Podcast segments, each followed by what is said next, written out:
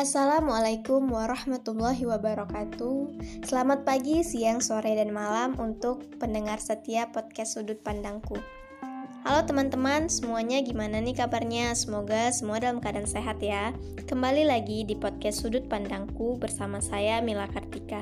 Di podcast kali ini kita akan berbincang-bincang mengenai Bagaimana cara meredam kegaduhan demokrasi di Indonesia. Nah untuk itu teman-teman simak sampai akhir ya Cara meredam kegaduhan demokrasi di Indonesia diperlukannya pertemuan konsultasi rutin atau rapat konsultasi guna meningkatkan saling kepercayaan antar lembaga negara. Pertemuan antar pimpinan lembaga negara dan diperluas dengan para menteri sehingga dapat memberikan penyelesaian suatu masalah masalah yang besar untuk kepentingan bangsa, negara, dan kepentingan rakyat Indonesia. Jika negara harus menyamaratakan persepsi dan visi mengenai Indonesia yang berkemajuan serta menghindari atau meredam kegaduhan, sebaiknya jika ada permasalahan apa pun antar lembaga negara atau kementerian, maka forumnya adalah rapat konsultasi.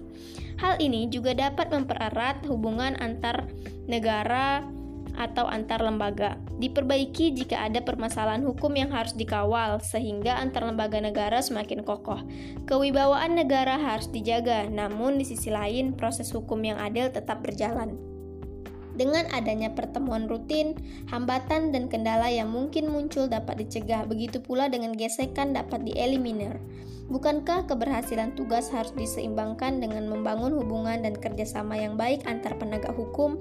Semua komponen bangsa, khususnya lembaga tinggi negara, untuk bisa bersatu dan saling percaya agar bisa bekerja ke hal yang substantif sehingga tidak terus gaduh. Selanjutnya ada pada kepemimpinannya. Presiden sebagai kepala negara harus membangun mekanisme kerja lebih sistematis dan harmonis dengan lembaga negara. Harus mampu memberikan pengayoman, mampu memimpin agar semuanya bekerja dengan profesionalitas dan penuh optimisme. Setiap negara pasti akan mengalami situasi krusial sehingga para pejabat negara harus melakukan kerja konkret untuk masyarakatnya.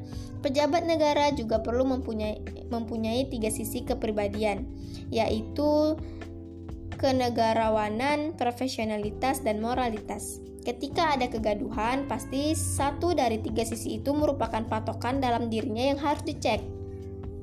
Yang pertama, sisi kenegarawanan mengharuskan pejabat mendahulu mendahulukan kepentingan bangsa di atas kepentingan pribadi atau golongannya. Yang kedua, dari segi profesionalitas. Apa yang dilakukan pejabat harus sesuai dengan otoritas yang dimiliki pejabat negara mana pun. Aspek profesionalitas harus dikedepankan. Yang ketiga, dari segi moralitas. Mereka harus mempunyai aspek kearifan sebagai pemimpin. Kuncinya ada di leadership yang bisa menggerakkan para penyelenggara negara, khususnya para pemimpin lembaga tinggi negara, untuk memupuk optimisme dengan kerja profesional. Sekian bincang-bincang kita mengenai bagaimana cara meredam kegaduhan demokrasi di Indonesia. Semoga bermanfaat bagi yang mendengarkan. Kritik dan saran sangat saya harapkan untuk membangun podcast saya selanjutnya lebih berkembang.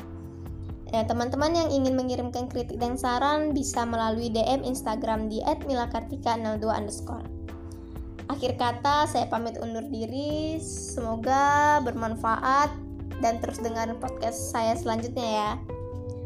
Wassalamualaikum warahmatullahi wabarakatuh. Sampai jumpa di podcast selanjutnya. Bye.